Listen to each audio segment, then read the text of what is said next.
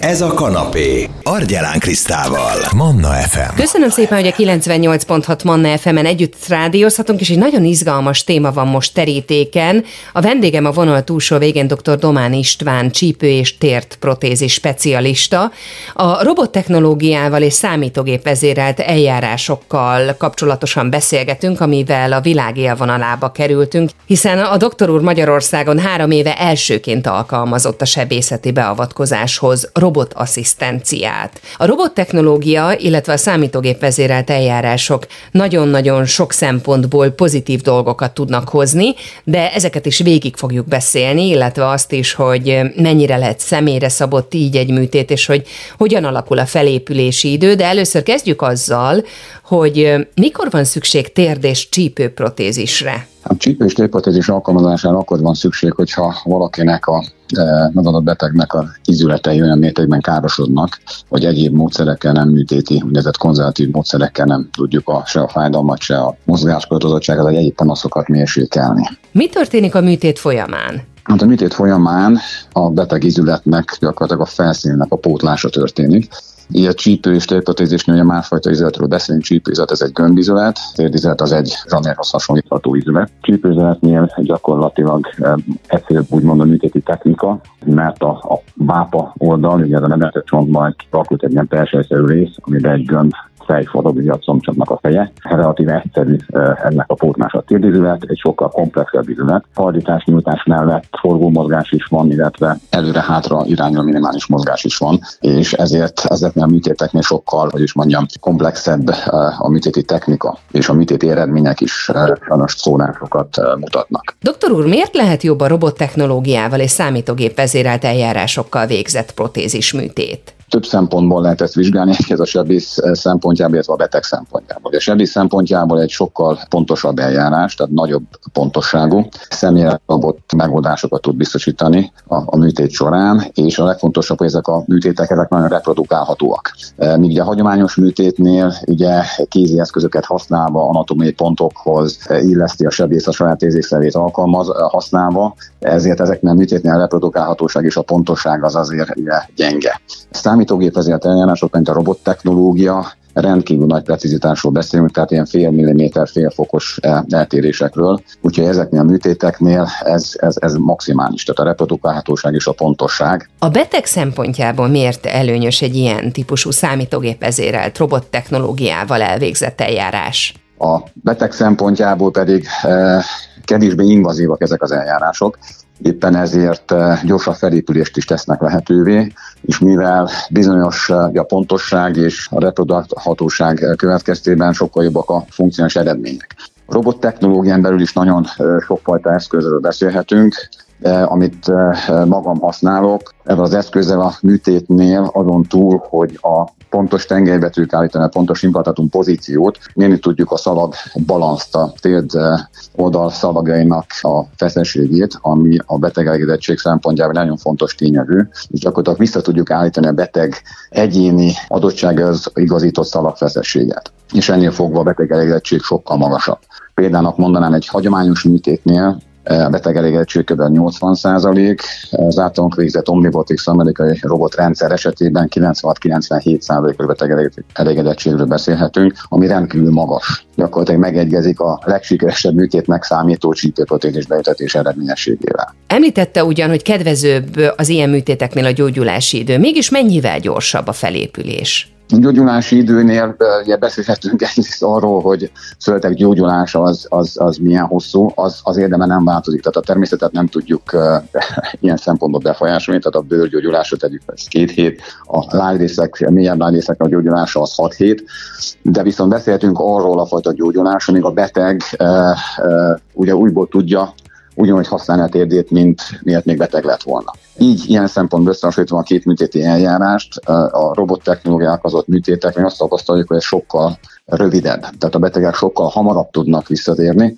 és mivel ugye a szalag egyensúlyt is vissza tudjuk állítani a természetes mértékűvé, ezért a betegek sokkal inkább a saját is érzik a, a beütetett térprotézist. Néha egészen elképesztő felépülésekről is kapunk visszajelzéseket. Például volt olyan betegünk, aki 6 héttel a műtét után már sípáján siklott le síklécekkel és erdőküldött magáról videót. Ilyet korábban nem láttuk, általában az a jellemző agyamos műtéteknél, hogy mire ide eljut egy beteg, ha egyáltalán eljut, az, az inkább fél, fél kötőel egy év. Nagyon szépen köszönöm, dr. Domán István csípő és tért protézis specialista volt a beszélgető partnerem, és arról beszélgettünk, hogy Magyarországon három éve elsőként alkalmazta a doktor úr a sebészeti beavatkozásokban a robotasszisztenciát, és hogy ennek milyen előnyei vannak mind a beteg, mind pedig az orvos szemszögéből. Ugye nagyobb precizitás, kíméletesebb műtéti technika, éppen ezért gyorsabb felépülési idő garantálható ilyen esetekben is. Ha valaki szívesen visszahallgatná, ez a beszélgetésünk is fönt van a Manna FM podcastján, akár iTunes-on, akár Spotify-on lehet újra hallgatni. Ez a 98.6 Manna FM életörömzene kellemes rádióhallgatást, én Argyelán Kriszta vagyok, és ezúttal Ötvös Edina az ideálbadi táplálkozási szakértője a beszélgető partnerem. Én azt gondolom, hogy nincs olyan nő, akinek az újévi fogadalmai között valaha nem szerepelt volna az, hogy januárban fogyókúrázni szeretne, többet eljár tornázni, és hát mégsem tudjuk nagyon ezeket a mámoros állapotban tett fogadalmakat betartani, tavasszal meg nyáron aztán kezdődik minden előről. Miért van az, hogy a legtöbb diétás újévi fogadalom sikertelenné válik? Felmérések szerint az újévi fogadalmaknak egy olyan 80-90 százaléka már a következő hónapban elbukik. Természetesen ebbe beletartoznak az újévi fogyókúrás fogadalmaink is, és elkezdik az emberek nagy hévvel évelején a fogyókúrát az újévi fogadalmuk alapján, és néhány hét után abba is hagyják. Ennek a legfőbb oka, hogy gyakran irreális elvárásokkal indulnak a nem pontosan meghatározott cél felé. Sokan abban a hibába esnek, hogy drasztikus módszerekkel túl gyorsan szeretnének megszabadulni, túl sok súlyfeles, súlyfeleslettől. Ez azért hiba, mert a fogyás akkor lesz sikeres, ha tartós és kiegyensúlyozott módon történik történik.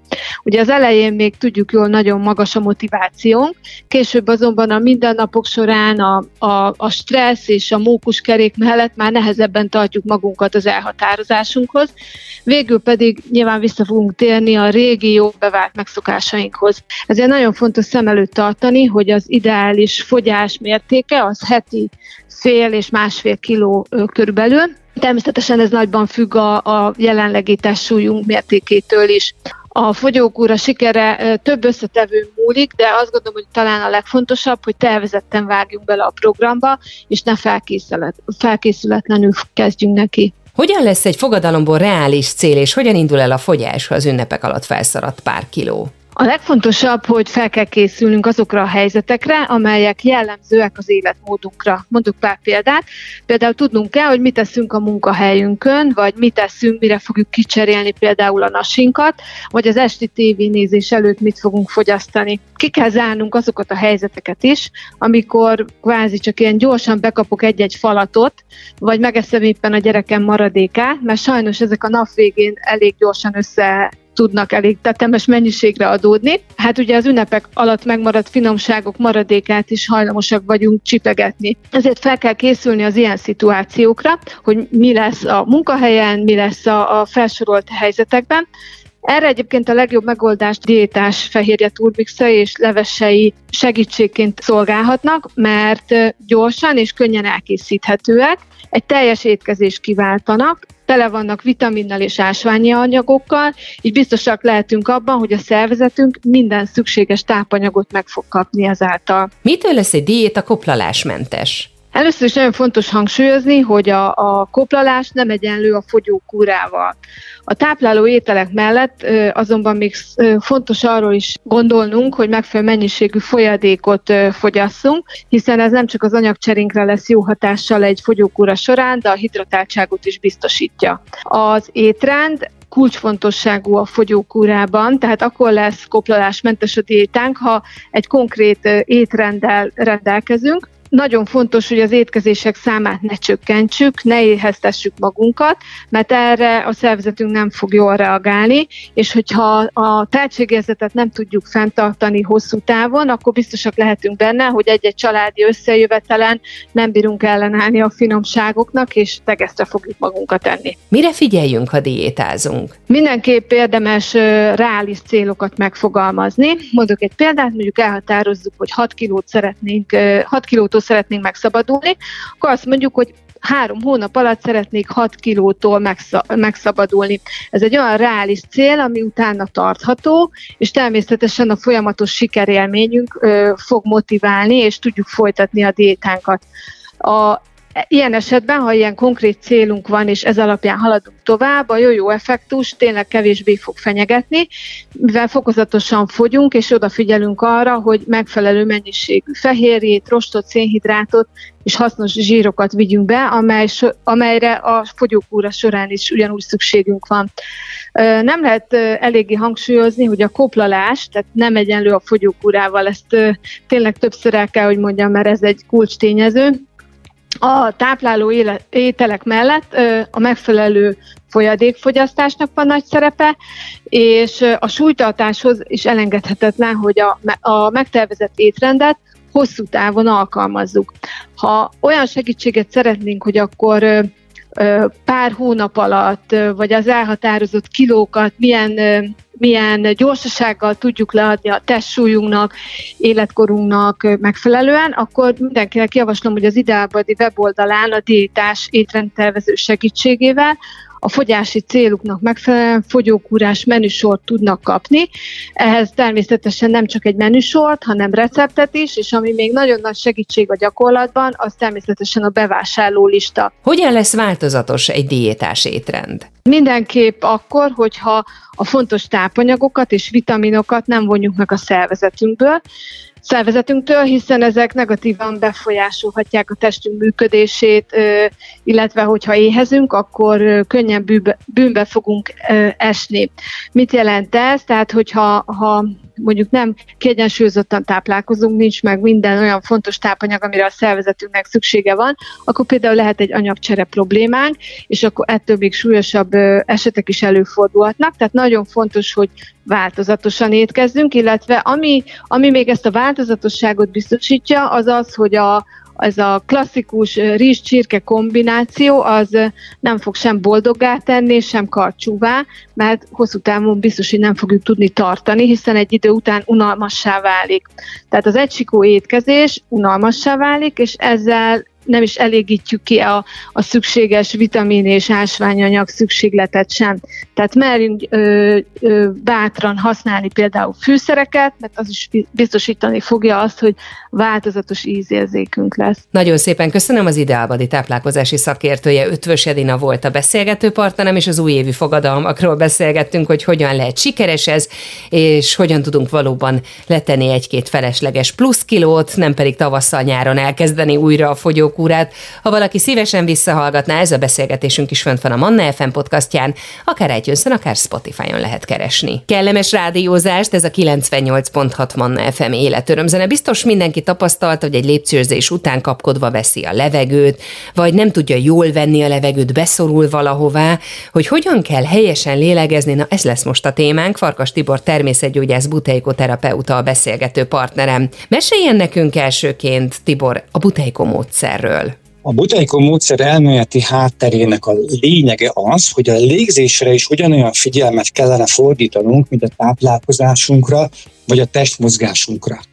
Ez mai nap nem történik meg, és sajnos tapasztalataink alapján és a kutatási eredmények alapján is beigazolódik, hogy a lakosságnak a nagyjából 85%-a nem lélegez jól. Példát kiragadok itt a dologból, akkor azt tudom elmondani, hogy mondjuk egy ideges embert, hogyha meg akarunk nyugtatni, akkor általában azt mondjuk neki, hogy üljön le és fújja ki magát. Itt rögtön jön a kérdés, hogy hogyan néz ki egy ideges ember? Kapkodja a levegőt, zihál, akkor miért úgy akarjuk megnyugtatni, hogy mindenféle mozgás nélkül még több levegőt akarunk neki adni? Vagy például tudjuk azt, hogy nem egészséges dolog, hogyha valaki mindig duplán reggelizik, triplán ebédel és négyszer vacsorázik, akkor miért akarom mindenkit mindig túlélegeztetni? Ez nem jó, hogy a szervezetnek a működése teljesen felborul, a vérgázok egyensúlya teljesen felborul, és nem fog tudni jól működni. Egy nagyon extrém példát is mondok erre, hogyha próbált már valaki gumimatracot fújni szabad tüdővel, akkor tapasztalhatta azt, hogy egyszerűen elszédül, még a legedzettebb embert is ájulásba lehet kergetni egy két személyes matracnak a felfújásával. Ez pontosan azt jelöli, hogy a, a jelzi pontosabban, hogy a túllégzés miatt az agy már a végén nem jut oxigénhez. A buteiko módszernek a lényegi eleme, a legfontosabb eleme, hogy a, a tanítványainkat szép, lassan, fokozatosan visszaszoktatjuk a normál levegőmennyiségre, és azok a tünetek, amik eddig jelen voltak, akár pánikbetegség, asztma, COPD, magas vérnyomás, ezek szépen lassan visszafordulnak, és és a szervezet beáll a normál működésére. Hogyan tudjuk letesztelni mi magunk azt, hogy vajon helyese a légzésünk? Nagyon egyszerű, hogyha valakinek a száján is megy be levegő, akár még beszéd közben is, az biztosan túlélegez. Tehát az állandó orvégzéshez kellene ragaszkodni.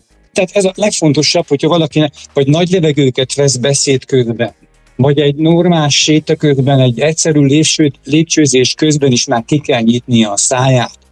Hallható a légzése, látható a légzése nyugalmi állapotban, sóhajtozik, ásítozik, az teljesen biztosan túllélegez. Milyen betegségekre lehet gyógyír az, hogyha helyesen lélegzünk? A moszkvai Buteikó klinika, akivel folyamatosan kapcsolatban vagyunk, és a legfrissebb eredményeket is kapjuk tőlük, ők, ők folyamatosan küldik nekünk az eredményeket.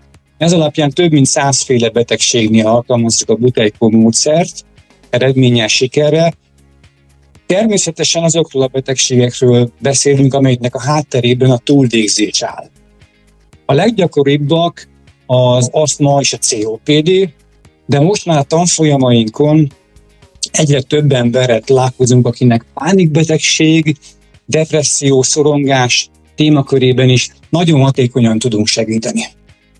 Ezek, ezek, ezek a legfőbbek, de azt tudom tanácsolni, hogy aki szeretné megalapozni az egészséges életmódját, szeretné levezényelni a, a, az életmódváltását, az is nyugodtan jöjjön el hozzánk, vagy sportolóként is akár, mert hatalmas nagyarányú teljesítménynövekedéseket tudunk produkálni a butájkó módszerrel. Az okosöv hogyan segíthet nekünk abban, hogy helyesen lélegezzünk? Az okosöv gyakorlatilag az embernek a légzési magántanára. Ezt megfelelőképpen vagy jól, jól használva arról van szó, hogy folyamatosan egy rezgéssel jelez nekem, hogyha túl nagy levegőt veszek megvan, hogy hogy kell beállítani, erre nagyon jó kis oktató videók állnak rendelkezésre, felcsatolom magamra, és hogyha a bordakosár tágul, tehát nagy levegőt vennék, akkor egy finom kis rezgéssel jelez nekem az okos öv, hogy ez már túl sok levegő volt.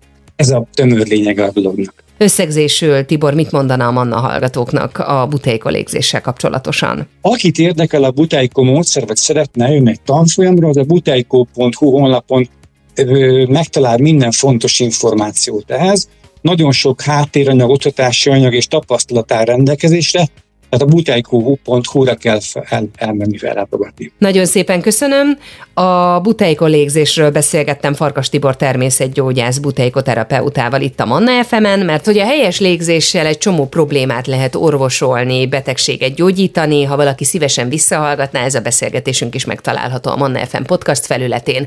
Akár itunes akár Spotify-on lehet majd visszahallgatni. Manna, ez a kanapé, Argyelán Krisztával. F